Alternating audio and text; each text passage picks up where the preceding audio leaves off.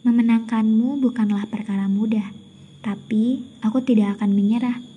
Aku tetaplah melangkah, meski harus bersusah payah.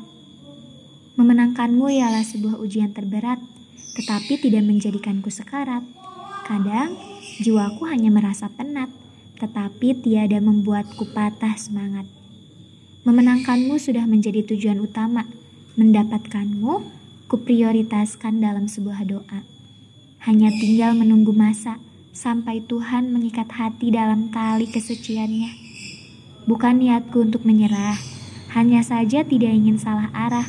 Semuanya akan terarah jika kuserahkan kepadanya. Tuhan tidak pernah mengecewakan hambanya.